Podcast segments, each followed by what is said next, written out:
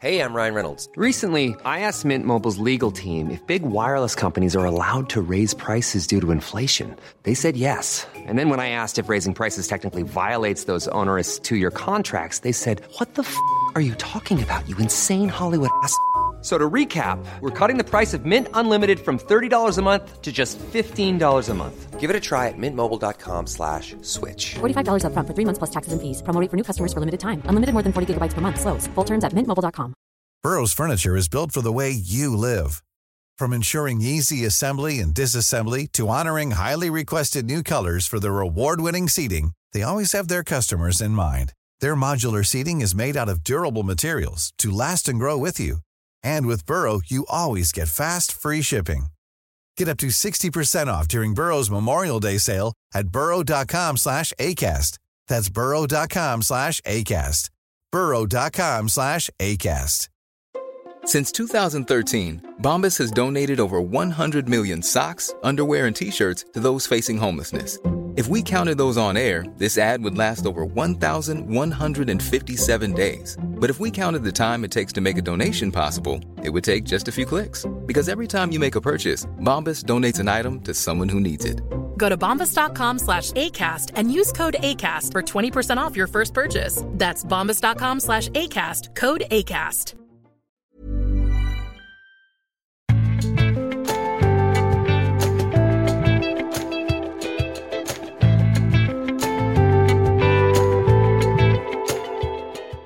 Trenger unge mennesker i dag ei katekisme? Det skal vi snakke med Daniel Sebjørnsen om i dag.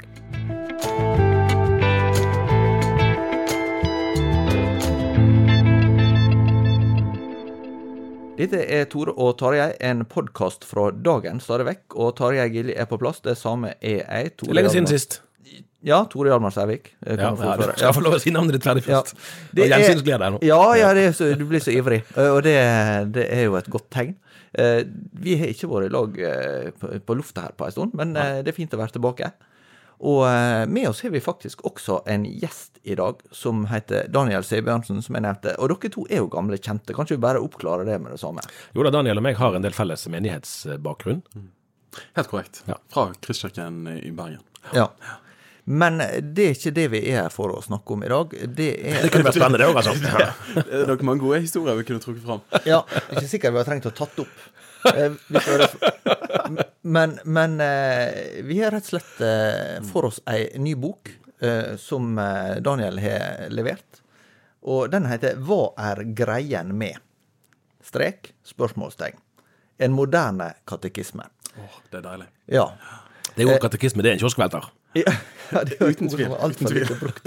Eh, men men eh, bakgrunnen her er jo at du eh, er en kristen pastor, eh, formidler, forkynner, eh, også influenser, må vi nesten kunne si. Altså, jeg syns det begrepet er litt ambivalent. Men Ja. samtidig, hvis du tenker at influens det handler om å påvirke mennesker i en gitt retning, så er jo enhver forkynner en influenser, og for så vidt enhver kristen. Ja.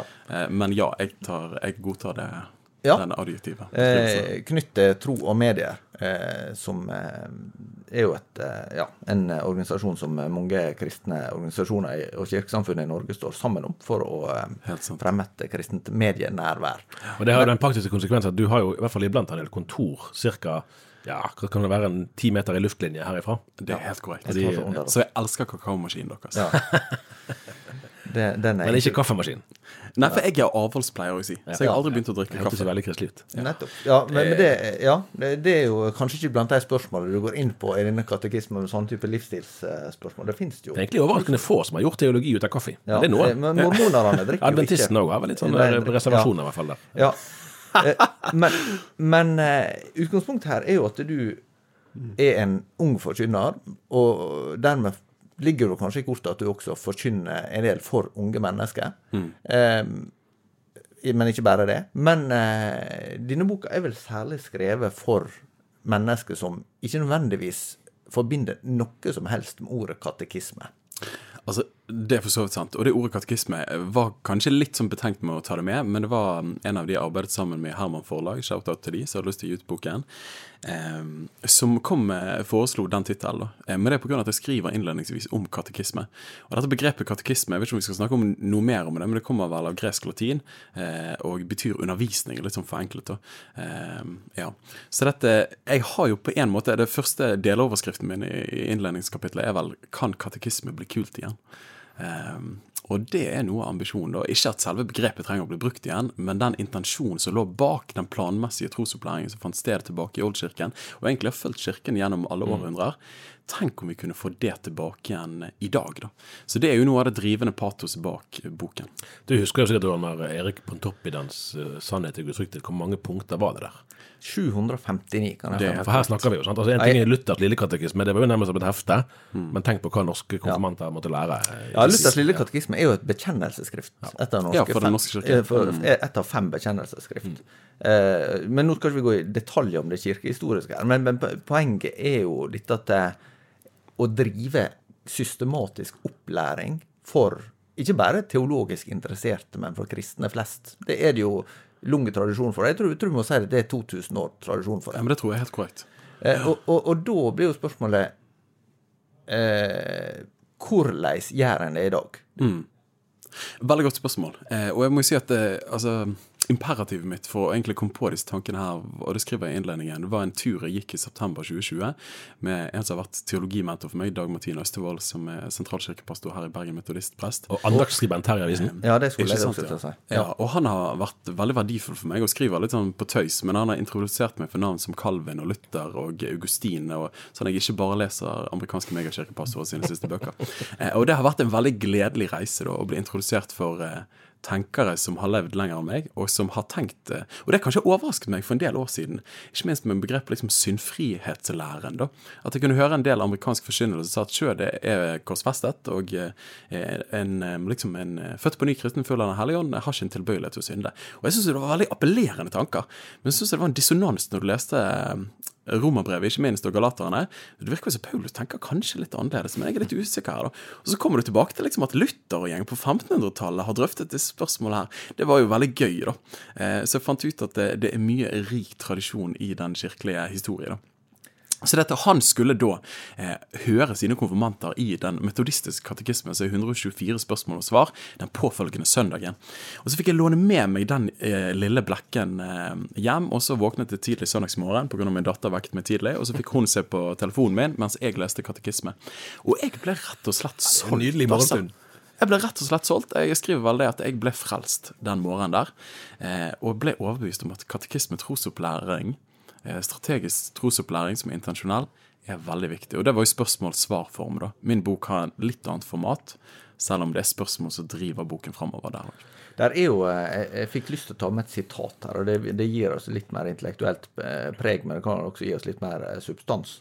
Eh, Og det var, eh, Det var noe et fint sånn rettferdiggjørelsessvar på Ja. det intellektuelle. Ja. Mm. eh, noe Sigrid Undset eh, sa i sin tid. Eh, Ti skik, eh, sed og skikk forandres meget alt Mm. ettersom tidene lider, og menneskenes tro forandres, og de tenker annerledes om mange ting. Men menneskenes hjerte forandres aldeles intet i alle dager.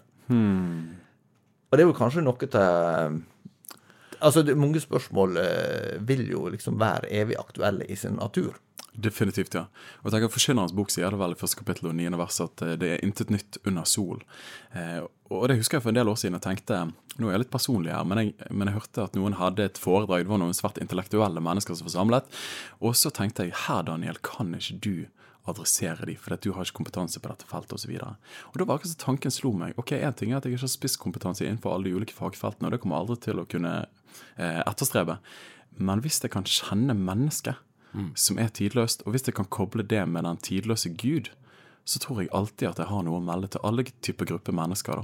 Eh, og det tror jeg egentlig er et veldig fint perspektiv å ta med seg. da. Ja. Du skriver helt, altså helt i begynnelsen av boken, eh, så siterer du 1. Timoteus brev kapittel 4 vers 16. Gi nøye akt på deg selv og på læren. Hvis man skulle vært litt sånn der eh, karikert, så kunne man kanskje si at hvis, hvis det verset hadde vært skrevet i dag, så hadde det stått noe sånt som gi nøye akt på deg selv og på relasjonene dine. Det kunne det sikkert blitt oversatt som i dag. ja. jeg, jeg, jeg spør om det fordi at uh, dette er jo en bok som, som vi tre, eh, ganske sikkert alle, eh, liker veldig godt, uh, og kunne snakket lenge og vel om. Uh, og så, uh, som Tor Elmar var innom i sted, at de du gjerne snakker aller mest til, altså folk som er i, la oss si, ungdommer og unge studenter, 20-årene kanskje, hvordan, hvordan opplever du mottakeligheten er for å gi akt på læren? Ja, og det er et kjempegodt spørsmål. Og det er jo noe av, av årsaken til at man gir det ut er at man opplever at eh, det er noe en litt sånn eh, Det er et kunnskapshull. Men det er òg gjerne ja, mangel rett og slett på hva tror jeg egentlig på. Og jeg syns ikke situasjonen er sjelden der mennesker forfekter en kristen tro i dag og er en del av våre fellesskap. Og så blir det gjerne stilt spørsmålet på studiestedet hva tror dere egentlig på? Hvorfor er du kristen? Og så blir liksom det banale svaret Jesus elsker deg. Eh, og så ja, kan du fortelle litt mer? Ja, har du hørt om korset? Eh, ja, bra. Hva skjedde egentlig der? Eh, Jesus elsker deg. Og så er vi tilbake i loopen, da. Og så kan vi nok forklare den kristne troen bedre og mer inngående hvis de har 30 minutter eller noe sånt. Men det å kunne formidle troen konsist og ha noen knagger å henge det på, det opplever jeg ofte er fraværende. da.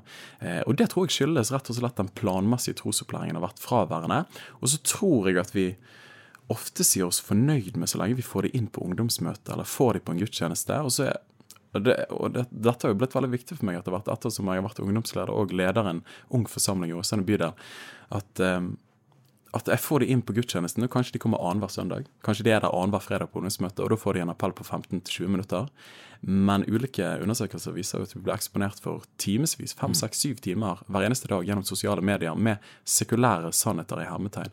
Og da å tro at det kan demme opp for alt annet man blir eksponert for, tenker jeg i beste fall er naivt. Ellers er vi grådig trosfylte, eh, som tror at de få minuttene veier opp for det. Ellers er vi rett og slett ikke gjennomtenkt. Og det tror jeg kanskje er det sistnevnte. Men opplever, opplever det altså oppleves det som et savn? Eh, altså kunnskapsmangel om teologi? Er det egentlig eh, Jeg vil tro at en del, både voksne og, eh, men ikke minst unge, kanskje vil oppleve at eh, det åndelige livet er det som er vesentlig. All denne teologien, den, det er egentlig på avstand fra Det jeg kommer til å tenke på på en, på en på en skal muntert side, eller det er nesten litt tragikomisk, da, og det er sikkert bare vandrehistorie, men, men det var jo han som røyste seg på et vitnemøte og var forholdsvis ny på, på veien, som det heter, i trua, og, og sa at eh, eh, Jeg husker ikke om det sto i Gamle eller Nye testamentet, men det var iallfall Paulus som sa det. Du skal få en dag i morgen.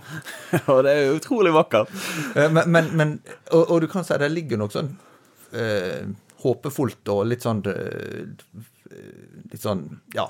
eh, at, at du, det, det kreves jo ikke et bestemt kunnskapsnivå for å kunne tro på Jesus. Eh, Men samtidig så eh, er det jo kanskje litt rart hvis en, hvis en kan tro på det uten at en vet noe om det. Nettopp, sant? Og, og jeg tror det er veldig viktig at man alltid holder fast på at Guds rike er for de små barn. Så dere må omvende dere og bli som barn. Så det er denne enkle hjertets tillit. Samtidig skriver jeg om det i boken òg, og refererer da til Wayne Grudem. så Han har, har det da fra den ortodokse lutherske perioden, som handler om at eh, skal du ha en tro, så må du òg ha kjennskap til hva jeg skal tro. Og så må du, punkt nummer to, si deg enig i det. Men punkt nummer tre, så må du òg legge din vekt på det. Så var de eh, ortodokse lutherske prestene på, på 1500-1600-tallet som liksom definerte denne tilnærmingen til tro. Og Det kan være at den er litt for systematisk, men det er veldig vanskelig å tro på noe hvis ikke du vet på hva du tror. Eh, og derav eh, tittelen på Wisløff sin kjente troslærer tilbake i tid. Eh, 'Jeg vet på hvem jeg tror', så det er litt arkaisk sagt. Nå står det vel i 2011 'Jeg vet eh, hva jeg tror på', eller hvem jeg tror på. Eh, Det er jo et sitat fra er det andre Timotius-brev. det er andre Timoteus 1,12. Eh, ja. Eller 1,21 er det bare. ja. Mm. Så dette, det har jeg veldig tro på. Og det er jo kanskje det som er Ja, hva skal jeg si? Um, jeg husker da jeg studerte mysjologi. eh, Så lærte jeg ble introdusert for Paul Hebert, som var en av de store mysjologene i de siste 50 årene. Men han hadde vært misjonær til India. Og Han forteller en morsom historie i sin bok 'Transforming World Views'. Og Han introduserte jo dette begrepet, og det var flere som hadde snakket om det, men verdenssyn, og ikke minst inn i mysjologien. Og så fortalte han at eh, de hadde oppdratt disse inderne som hadde kommet til tro og lært den kristne fortellingen, og så skulle de ha liksom the, the Christmas Carol og fortelle eh, juleevangeliet. Og så så det veldig bra ut, og her var Maria og Josef og Jesusbarnet, og og så plutselig hoppet nissen inn i fortellingen der, da. Eh, og de vestlige misjonærene skjønte ikke helt greien. Hva var det som skjer her? Jo, for de hadde jo fått Jesus av de, men de hadde jo òg fått julenissen. Så dette, de hadde ikke lært seg distinksjonen, og så tar han opp denne traktmodellen som har blitt kjent for flere etter hvert, men der en ulik kultur har tre ulike lag, der det første er liksom det, det synlige, det vi kan sanse ved at man eh, kler seg på en gitt måte, og da i kristen forstand at man går på kristne møter, at man løfter hendene kanskje under lovsangen eller synger noen salmer. Punkt nummer to er at man sier seg enig i noen av de kristne dogmene. Jeg tror at Jesus er herre, jeg tror han døde for mine synder. Men så igjen, den dypeste forståelsen er jo det kristne verdenssynet. At det kristne paradigmet har fått lov til å definere verden og virkeligheten. Da. Og så sa han at dette var utfordringen vår i en misjonstilstand der de gjerne lærte seg dogmene, oppførte seg kristent, men de fortsatte å ofre til sine forfedre fordi at de ikke hadde en kristen verdenssyn i bunn. Og Det er jo en, altså en diagnose man kan stille på den tredje verden og misjonsframstøt som finner sted der, men jeg tror nesten den diagnosen kan stilles like godt på oss i sekulære Vesten. At vi er på en måte bedriver en sekulær synkretisme. da. Eh, og jeg kjenner for mitt eget liv at, eh, at, normer som man møter i samfunnet rundt oss, som for en del tiår siden ville vært utenkelige i kristne sammenhenger, men i dag så er vi litt sånn Nei, men det der må da være lov, må ikke det det? Og det avslører da gjerne hvor påvirket man er av den sekulære samtiden. På den andre sida så er det som sagt det med å diskutere teologi det blir fort veldig krevende og veldig sånn eh, vanskelig å, å eh, få grep om for de som ikke er teoretisk eh, interessert i religiøse spørsmål, Ja. og, at, det- og at en kan vise til kirkehistorie at her har vært diskutert i hyllemeter etter hyllemeter og, og kirkemøte etter kirkemøte, og en, en blir bare ikke enig, og, og den jevne kristne står og spør men, men hva skal jeg med dette her? Hvordan har du balansert dette? Altså På den ene sida at her er det en substans som faktisk er viktig. At, altså, en, kan ikke tro på hva som helst. På andre sida um, det, det er nok med å ha en slags realisme, kanskje, med, med, med hva som er mulig for en, en vanlig uh, kristen i skole eller jobb eller kan holde på med, å, å sette seg inn i av, av eh, ja, ganske store teologiske spørsmål. Og definitivt, sant. Altså, stort er gudsfryktens eh, mysterium, sier i liturgien. sant. Altså, Det er uutgrunnelige dybder her, og i Efeserne 3 så står det om Kristi uransakelige rikdom. Så dette jeg påberoper jo meg på ingen måte å liksom kunne grave ut hele denne rikdommen her, og det er vel få kristne som har lyst til å si det. Samtidig så tror jeg at på grunn av at man ikke kan forstå alt, derfor er jeg frikjøpt fra å prøve å forstå noe, det ville jo vært en kortslutning i logikk. På samme måte som jeg er gift med min hustru, og jeg elsker henne, jeg søker stadig å forstå henne enda mer, som sikkert flere av oss deler i møte med våre ektefeller. Eh, Men jeg kommer jo aldri helt til å forstå henne helt ut. Men jeg er jo ikke fritatt av å søke å forstå. Eh, Og så tenker jeg òg Judasbrevet, eh, han som da ikke sviktet. Eh, I det tredje verset så skriver han jeg fant det nødvendig å skrive til dere for at dere skulle stride alvorlig for den tro som en gang for alle er overgitt til de hellige. Og vi lever i en tid som er forholdsvis relativistisk, der vi sier at ja, men vi klarer jo ikke å bli enige her, så dette er ikke vikt- vits i å snakke om dogmatikk. Men der vil jo jeg si stopp litt, for det finnes noen kjernekristne sannheter som kirken har holdt gjennom 2000 år, og som kommer tydelig fram i Bibelen. Og så finnes det, som Wisløff sier så bra i, sin dogmatikk, han sier at der Bibelen taler, vil vi tale, men der den tier, der vil vi tie. Eh, Og der han roper, der vil vi rope, men der han snakker litt mer forsiktig, vil vi snakke forsiktig. Og jeg mener at det er ganske mange ting i Skriften som han er veldig, veldig tydelig på, men som vi i vår postmodernisme gjerne har lyst til å tone ned. Hva, hva tenker du på da, særlig? Nei, altså nå lurer du meg ut på her, eh, Tor Hjalmar. eh, men jeg tenker jo, det som er mest fremtredende, er jo uten tvil eh, det som går på seksualitet. Eh, som går på samliv. Der har jo Kirken eh, tenkt veldig likt i 2000 år. Så det at når vi nå de siste tiårene tenker at eh, nå har vi iPhoner, nå har vi teknologi, og vi har vært på månen, så vi vet bedre, eh, så strider det veldig med den tro som en gang for alle har blitt overgitt til de hellige. da. Eh, og det er få gode løfter knyttet til det å ikke tro og leve i tråd med Bibels lære. da. Eh, ja. Så dette, John Stott er det som sier at 'we live under the word in the world'. Så at av og til kan man få inntrykk av at altså, vi lever jo i en plastisk samfunn i den forstand at vi ønsker å bestemme rammene istedenfor å erkjenne rammene. Og da kan jo innvendingen være mot oss konservative kristne hvorfor kan ikke dere liksom bare, eller klassisk kristne, hvorfor kan ikke dere bare endre hva dere tror? Og så er det bare beklager, min venn, vi har ikke det privilegiet, for vi tror faktisk at Jesus er Kyrios, vi tror at han er herre, og da må vi bøye oss for ham. Nå begynner jeg å preke her. Ehm, men hvorfor er det viktig å lære dogmatikk? Jeg tror det er viktig, sånn som Paulus sier her i 1. Timoteus 4,16, gi akt på deg selv og på læreren, og fortsett med det, for når du gjør det, skal du frelse både deg selv. Så rett og slett er det et frelsesspørsmål til syvende og sist om du tror rett, men så vil du òg frelse de som hører deg. Så vil òg mennesker rundt deg kunne bli eksponert for en bedre fortelling, som er evangelium. da. Hva spørsmål syns du har vært eh, særlig berikende å jobbe med, og særlig utfordrende å jobbe med. Dette er spennende. altså. Jeg, jeg representerer jo Tro og Media. Nå har jeg jo skrevet dette som en privatperson, men de ønsket å satse på prosjektet, så jeg har fått lov til å bruke arbeidstid på det. Så det å skrive om dåp og nattvær, og det er kanskje noen av de punktene der man ser litt ulikt, men det å skrive på en måte som alle kan kjenne at dette tror vi på, samtidig som jeg ikke toner ned de overbevisningene som jeg bærer. da. Eh, og jeg kommer jo fra den evangeliske lutherske frikirke, som har jo da et luthersk eh, nattverdsforståelse, eh, og for så vidt dåpssyn. Men så jeg, jeg Og så har jeg tatt reisen mer mot en sånn pinsekarismatisk tradisjon. Samtidig så er jo jeg veldig tydelig på at jeg tror at det skjer noe i dåpen. Jeg tror det skjer noe i nattverden. Så det å holde det sakrale perspektivet, samtidig som vi anerkjenner symbolismen som det bærer ved seg eh, Så det, jeg har vel hatt noen som har lest boken, som sier Daniel, vi forsto hvor du ville med dette her.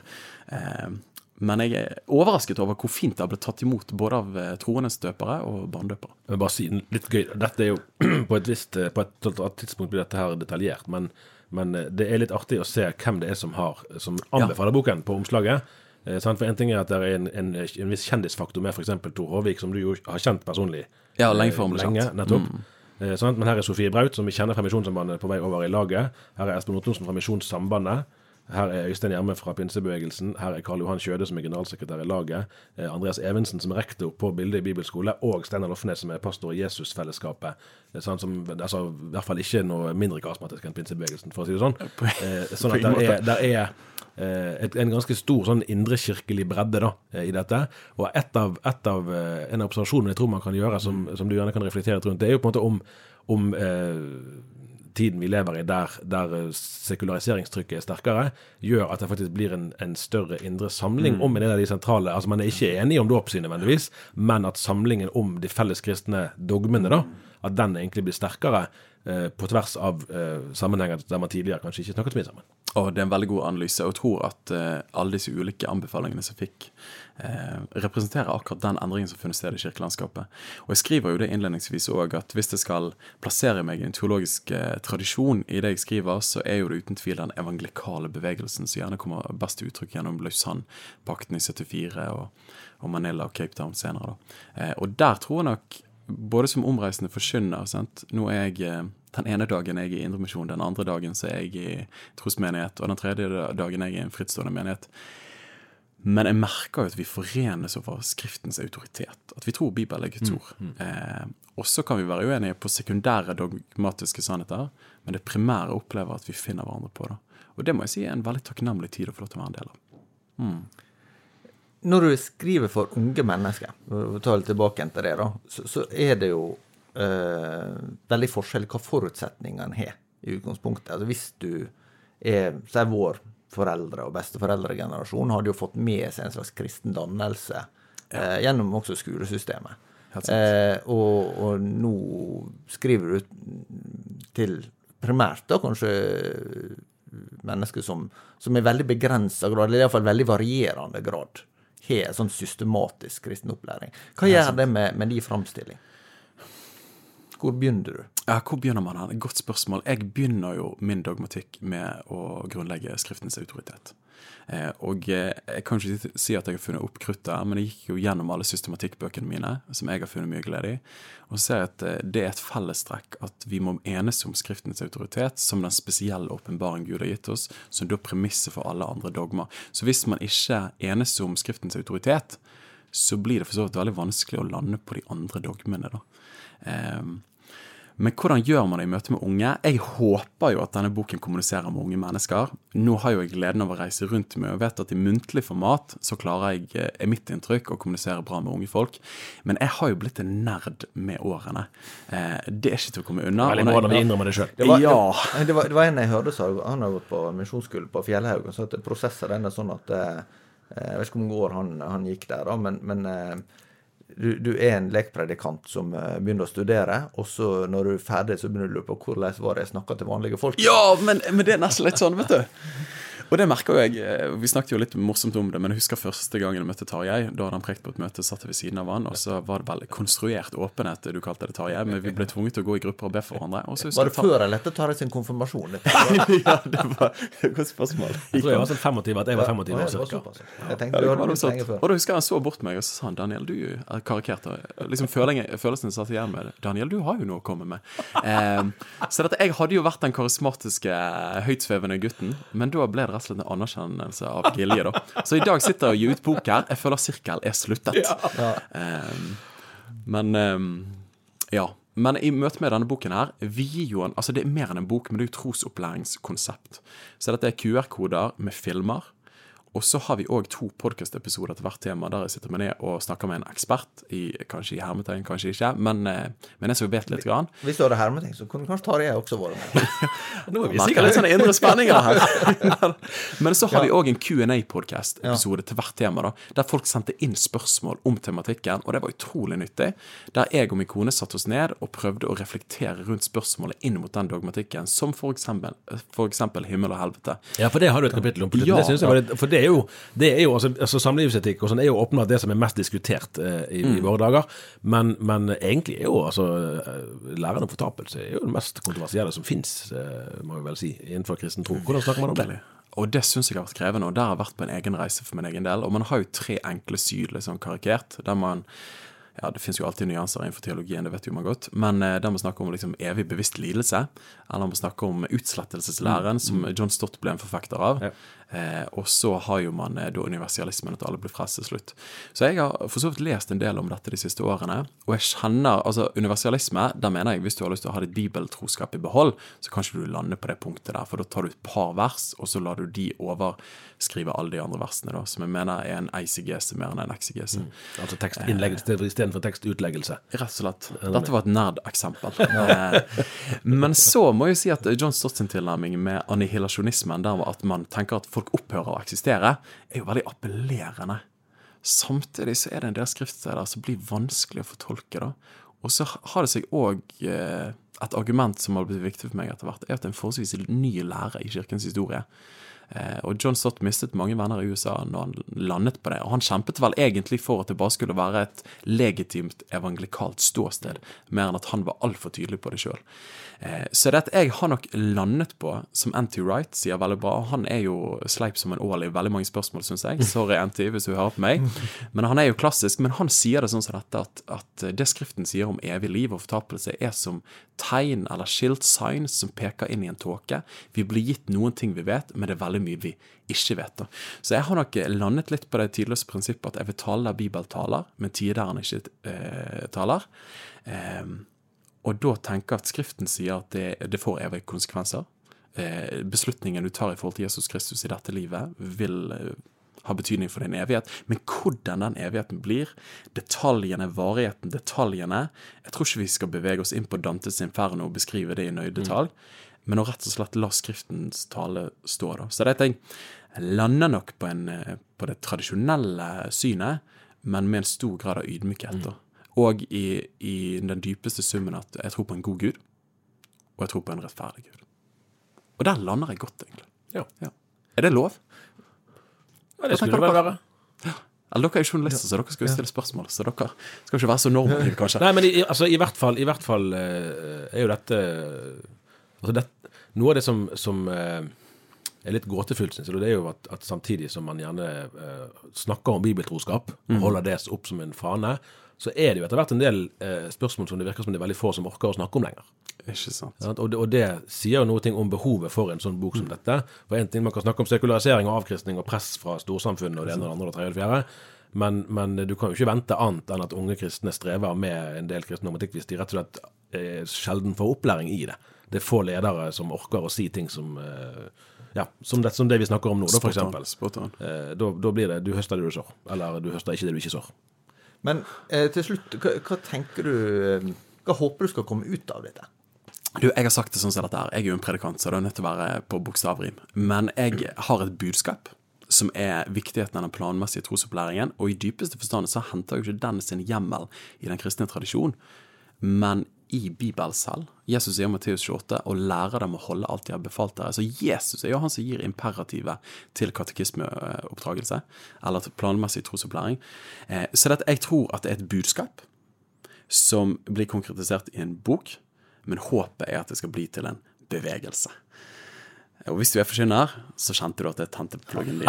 Det er tre punkt og bokstaver. Kommer Da- det da det- Amen-utrop her. Ja, ja. Rett og slett. Men hvis det kunne blitt en grasrotbevegelse eh, der eh, man kunne få en mer eh, intensjonell tanke om eh, trosopplæring, så hadde min bønn blitt besvart. Og det er mange som bedriver det allerede, men jeg ønsker å komme med enda et bidrag. Og jeg skriver det òg, men jeg håper at det kommer mange moderne katekismer for vår tid som kan kommunisere med ulike segmenter av mennesker som lever i dag. Da. Da tror jeg vi sier at eh, vi er ved veis ende, selv om eh, samtalen eh, gjerne kunne fortsette lenger. Jeg tror den kommer til å gjøre. Det gjør den. Og Det tror jeg òg. Daniel kommer nok til å la høre fra seg i forskjellige kanaler. Og det gjør antagelig vi også neste uke. Ja. Takk for i dag. Takk for det.